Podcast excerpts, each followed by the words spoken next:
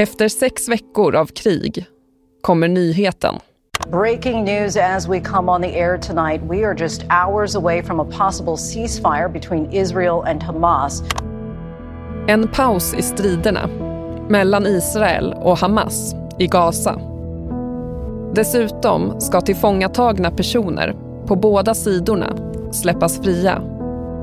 Och det här är möjligt på grund av ett litet land som vill vara en stor spelare. We're still waiting for the Qatari government, who has been mediating these talks, to put out their statement. Och just den här situationen som har uppstått nu mellan Israel och Hamas, den är just en sån situation som Qatar har planerat för och som de, jag ska inte säga att de gläder sig åt alla de döda, men de gläder sig åt det här tillfället att kunna spela en roll att säga, på, på stora scenen som de verkligen gör nu. Från Dagens Nyheter. Det här är Spotlight. Idag om emiren av Qatar, medlaren mellan Hamas och Israel. Jag heter Emma Lokins.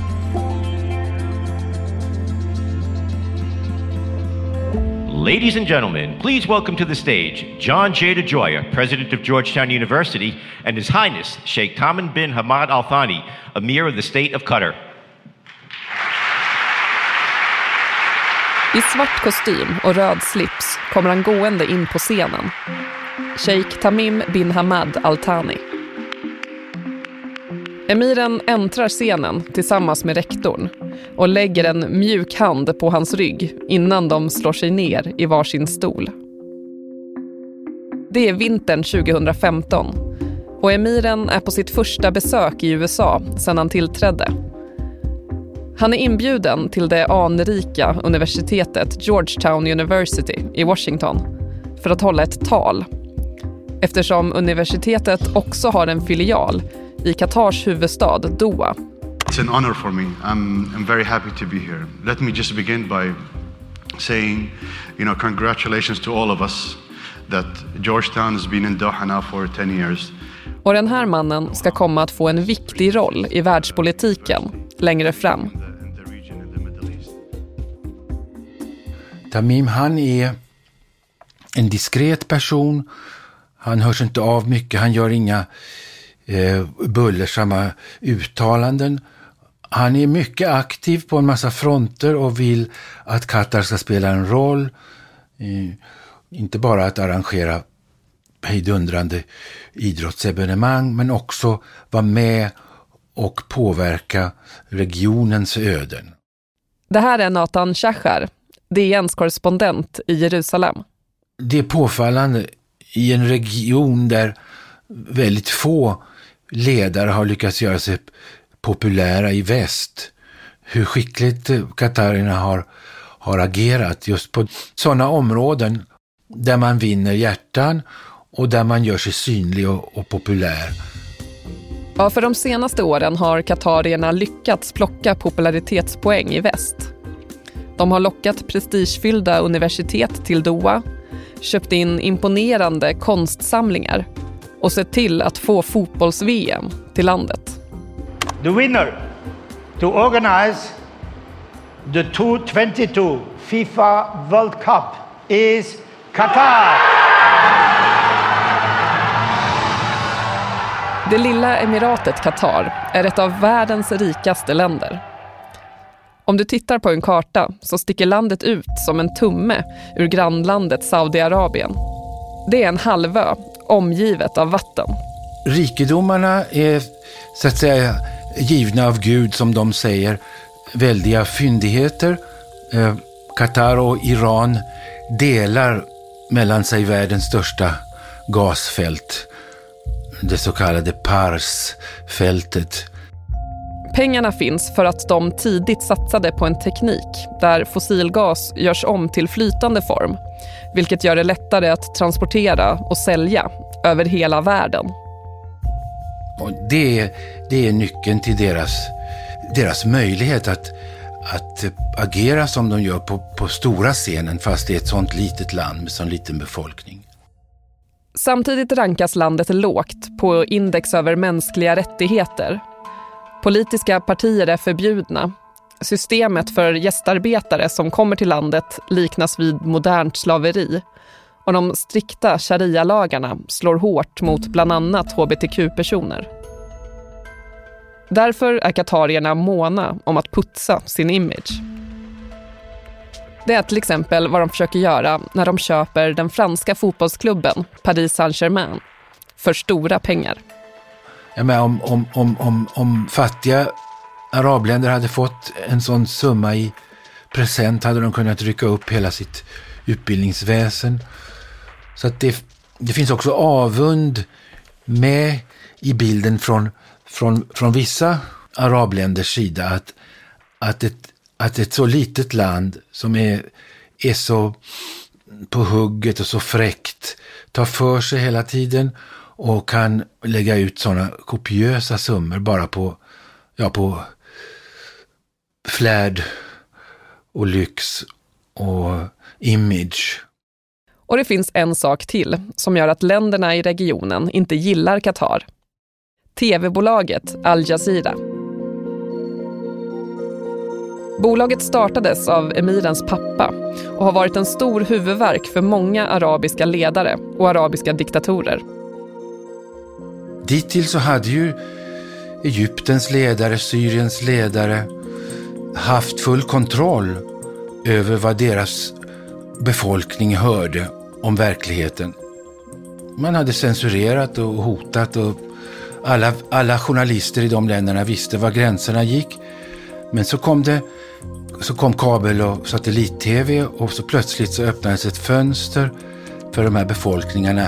Inte bara mot regionen i stort utan också mot sina egna länder. Och eh, korruption och skumrask Genom åren har det gjorts försök att tvinga Qatar att lägga ner bolaget. Men Al Jazeera fortsätter och Al Jazeera spelar en viktig roll i alla stora kriser. Nu är de ju i Gaza och är för de flesta människorna i arabvärlden huvudkällan.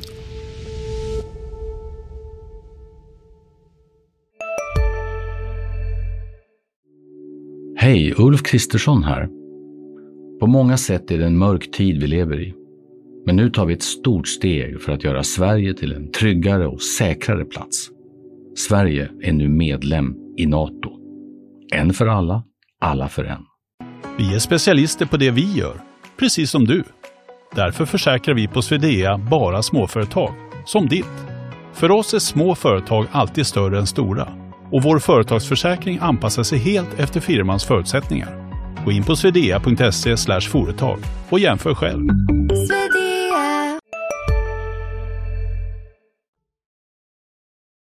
Ja, Gaza. Kriget mellan Israel och Hamas. Här märks Qatars unika position bland de rika arabländerna. Qatar doesn't need money, it doesn't need to be paid. It simply is very happy to get international respect. Its brand is to get on well with all states in the region. Um, one of its foreign ministers once said, uh, we don't do enemies. Så att det här impulsiva eh, känslosamma eh, som man ser ofta hos, i grannländernas utrikespolitik, det, det förekommer inte. I, I den mån Qatar tar ett steg så har man, har man mycket kallt eh, kalkylerat med, med följderna och ingen gambling, inga, inget risktagande utan eh, och, och, och, inga förolämpningar mot eh, jag menar, Qatar är, står på Hamas sida och inte på Israels, men eh, man aktar sig då för att eh, säga eh, något eh, drastiskt eller kränkande mot, mot Israel som, som nation. Man bränner inga broar. Qatar låter terrorgruppen Hamas ledare ha sin bas i huvudstaden Doha det är också Qatars pengar som finansierar både vardagslivet för civilbefolkningen i Gaza med sina bidrag, men också Hamas verksamhet, som ibland betyder raketbeskjutning mot Israel. Och det här med Israels goda minne eftersom premiärministern Benjamin Netanyahu sett det som positivt att Hamas ändå finns och på så sätt ser till att palestinierna är splittrade mellan de som stödjer Hamas och de som vill ha ett annat styre. Fast Israel och Hamas med jämna mellanrum rök ihop och, och det var en vecka eller en månads eh, beskjutningar. Eh, Hamas raketattacker mot Israel och Israels flygattacker mot Gaza. Trots det så var det här ändå något, en modell som, som eh, både Hamas och Israel kunde leva med. Min gissning är att eh, emiren och Qatar skulle tycka det var mycket skönare att stödja Hamas om Hamas eh, var, var, mindre våldsamt och mer fredligt. Men eh, det, nu är det en gång så att, att det är Hamas så att säga, som är Qatars uppkoppling till den här världskonflikten och, eh, och man, man, har, eh, man har manövrerat i, i rätt många år mycket skickligt stött Hamas med stora summor och fått den israeliska nationalistregeringen med på noterna. Så att, ja, men det visar ju verkligen att de är, att de är skickliga. Qatar has been blamed, criticized over the years for either funding or allowing sympathetic sheikhs, mullahs, sympathetic rich people to fund these movements. Well, uh, we have to uh, see the difference between movements. I know that um, in America and some countries they look at some movements as terrorist movements. In our part of the region, we don't. October 7, Hamas militants breach Israel's border fence. Killed 1,200 civilians and soldiers. And take about 240 hostages back to Gaza. När kriget mellan Hamas och Israel bryter ut i oktober 2023 tar ledaren Tamim bin Hamad al-Thani och Qatar snabbt sig an rollen som medlare. The Qataris will now see the conflict as an opportunity to push its credentials as the region's go-to negotiator, succeeding where other regional powerhouses have failed. Till en början är många i den israeliska allmänheten skeptiska till att låta Qatar sköta förhandlingarna om frisläppandet av gisslan. De är väl medvetna om att det är Qatars pengar som har hållit Hamas under armarna alla de här åren. Men ganska snart så förstod israelerna att, eh, att, att Qatar eh, skulle kunna göra nytta i det här. Inte bara därför att Hamas ledare sitter i, i Doha utan också därför att Hamas i Gaza, som är de som fattar de riktiga besluten, Hamas i Gaza har förtroende för Qatar. Ja, för Qatar har redan lett förhandlingar mellan Israel och Hamas alldeles nyligen, precis innan kriget bröt ut. Hamas var då plötsligt väldigt villiga att släppa ifrån sig två israeliska medborgare som hålls fångna i Gaza och kvarlevorna efter två israeliska soldater som dödades inne i Gaza 2014.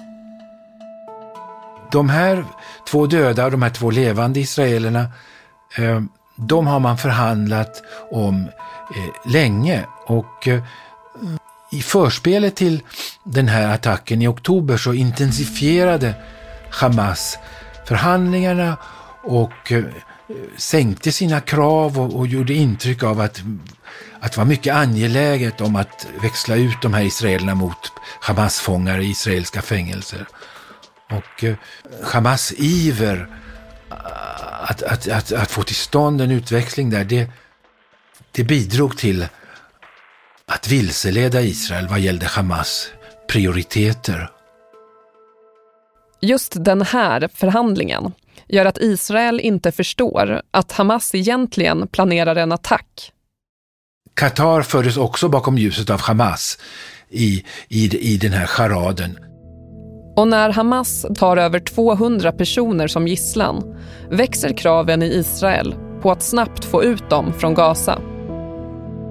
Bakom kulisserna kontaktar Qatars regering Vita huset i USA med en begäran om att bilda ett team av rådgivare för att få gisslan fri. Och nu blir turerna många. USAs president håller brådskande samtal med Israels premiärminister Benjamin Netanyahu och med emiren Tamim bin Hamad Al Thani som i sin tur är den som sköter kontakten med Hamas. Samtalen fortsätter i veckor.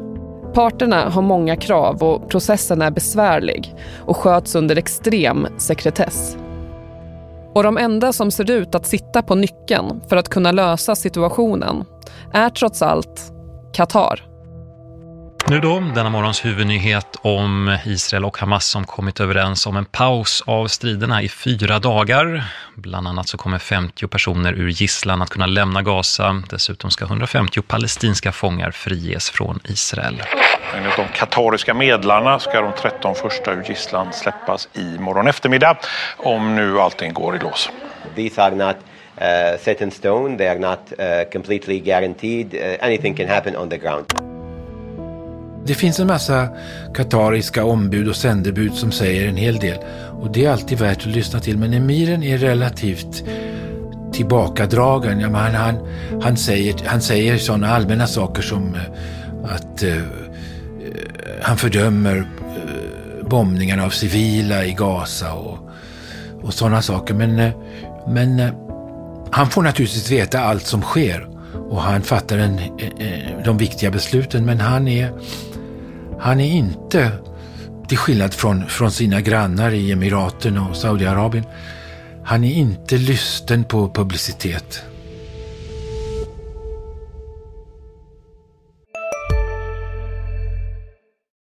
Alltså äter du i duschen? Nej, det gör jag verkligen inte. Men alla gör ju det nu. Duschsnacks, Frans. Vilka alla? Ja, men alla på TikTok och bloggar och allt möjligt. Så det är, de har en tallrik i duschen och så är det lite så här oliver och ostbågar typ. Nej men gud, tapas.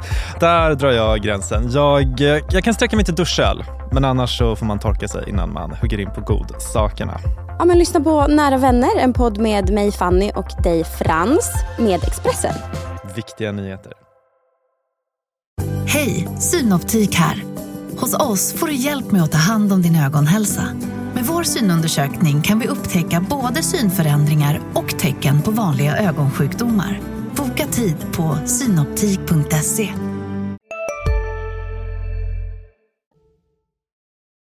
Så kommer dagen när det första utbytet ska ske. Vapenvilan mellan Israel och Hamas ser ut att hålla. Här rullar ambulanser och lastbilar med humanitär hjälp in i Gazaremsan och om bara några minuter, klockan tre, ska utväxlingen ske.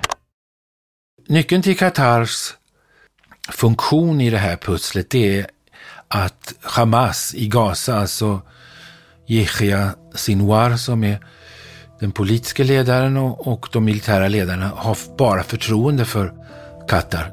Ja, men det är inte lite för emiren av ett sånt minirike att han ringer upp vem han vill. Han talar också med, med de israeliska ledarna och med, framförallt med chefen för den israeliska underrättelsetjänsten Mossad.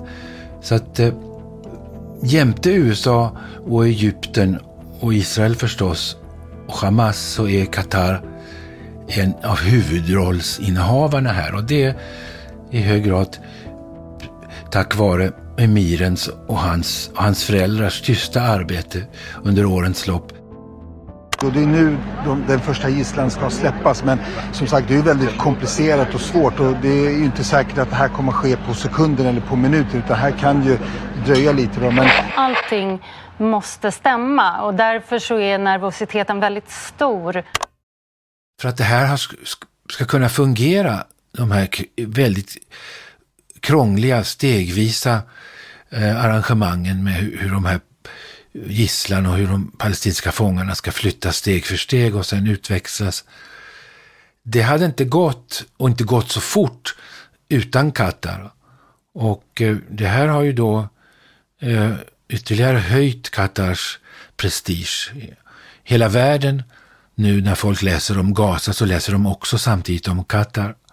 Då i, i, i ett positivt sammanhang då med glada människor som kommer hem. På bilder ser man hur militärklädda Hamasmän eskorterar gisslan över till Röda Korset som sen kör dem vidare över gränsen till Israel. När en buss med gisslan återvänder vinkar och jublar folket som har samlats för att se utväxlingen.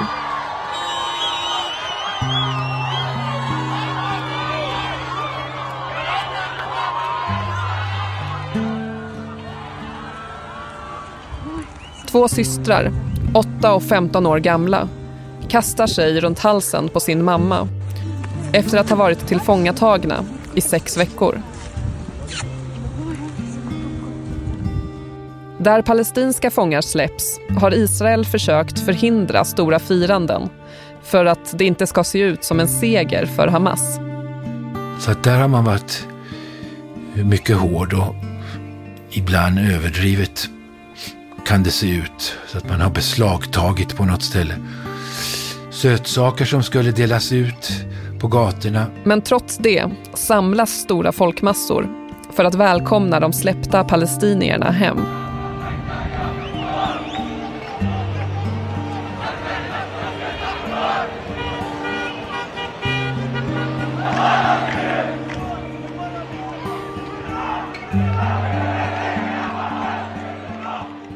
Nathan, Qatar har lyckats med att medla här mellan Israel och Hamas. Men att Hamas utnyttjade Qatar inför det här genom att starta diskussionerna om kvarlevor och fångarna från 2014, alltså för att dölja att de planerade den här attacken, kommer det att få konsekvenser? Nu vet vi inte ens om Hamas kommer att överleva det här. Men om de gör det så kommer kommer Qatar, tror jag, att tvingas ompröva sin relation till Hamas. De kommer att bli tvungna, tvungna av Israel, tvungna av USA att se till att inte ett öre går till något annat än, än livsmedel eller till tjänstemännens löner. Det kan inte vara som, som hittills att, att Hamas har fått en, en, en koffert med dollars och de har fått hantera dem som de vill. Rollen som medlare är ytterligare ett sätt för Qatar att tvätta sin image och skaffa sig inflytande i världen. Kommer de kunna fortsätta att satsa på den rollen?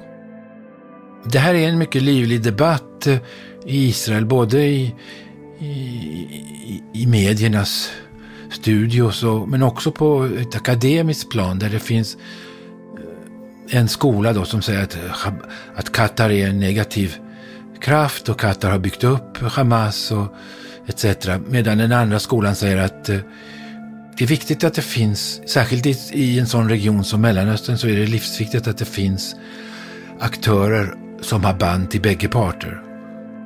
Därför att om, man, om det inte finns sådana aktörer så kan sådana här konflikter bara lösas med våld till det bittra slutet.